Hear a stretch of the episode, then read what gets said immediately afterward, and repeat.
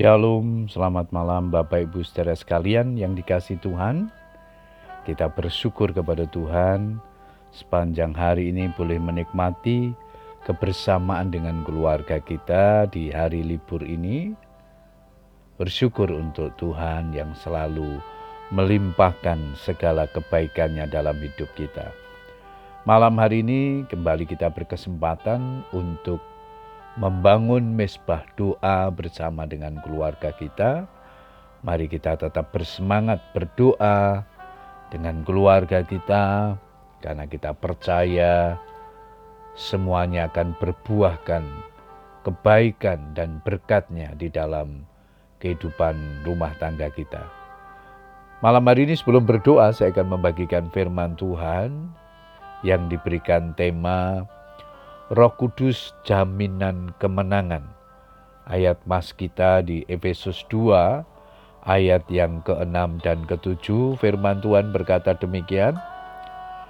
Dan di dalam Kristus Yesus ia telah membangkitkan kita juga dan memberikan tempat bersama-sama dengan dia di surga supaya pada masa yang akan datang ia menunjukkan kepada kita kekayaan kasih karunia-Nya yang melimpah-limpah sesuai dengan kebaikannya terhadap kita dalam Kristus Yesus.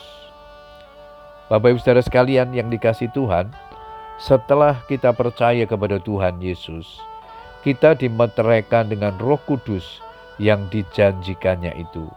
Dan Roh Kudus itu adalah jaminan bagian kita sampai kita memperoleh seluruhnya.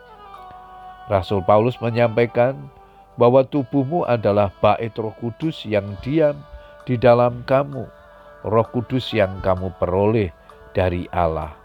1 Korintus 6 ayat 19. Roh Kudus yang diam di dalam kita adalah roh yang sama yang telah membangkitkan Tuhan Yesus dari antara orang mati Artinya di dalam kita ada kuasa yang bekerja secara dahsyat, yaitu kuasa Roh Kudus. Jika kita menyadari bahwa di dalam kita ada Roh Kudus, yaitu roh yang lebih besar daripada roh yang ada di dalam dunia, maka tidak seharusnya kita menjalani hidup ini dengan penuh ketakutan, keraguan-raguan, dan kekhawatiran. Seharusnya seberat apa pun ujian, tantangan, atau badai persoalan yang menyerang kita, tidak akan mampu memporak-porandakan dan menghancurkan bahtera hidup kita. Tidak akan mampu mempecundangi kita dan tak akan mampu menggoyangkan iman kita. Sejahat apa pun fitnah yang ditujukan kepada kita, tidak akan mampu melemahkan dan menghalangi langkah kita untuk meraih masa depan. Sebab Allah yang memberikan kepada kita bukan roh ketakutan, melainkan roh yang membangkitkan kekuatan, kasih, dan ketertiban.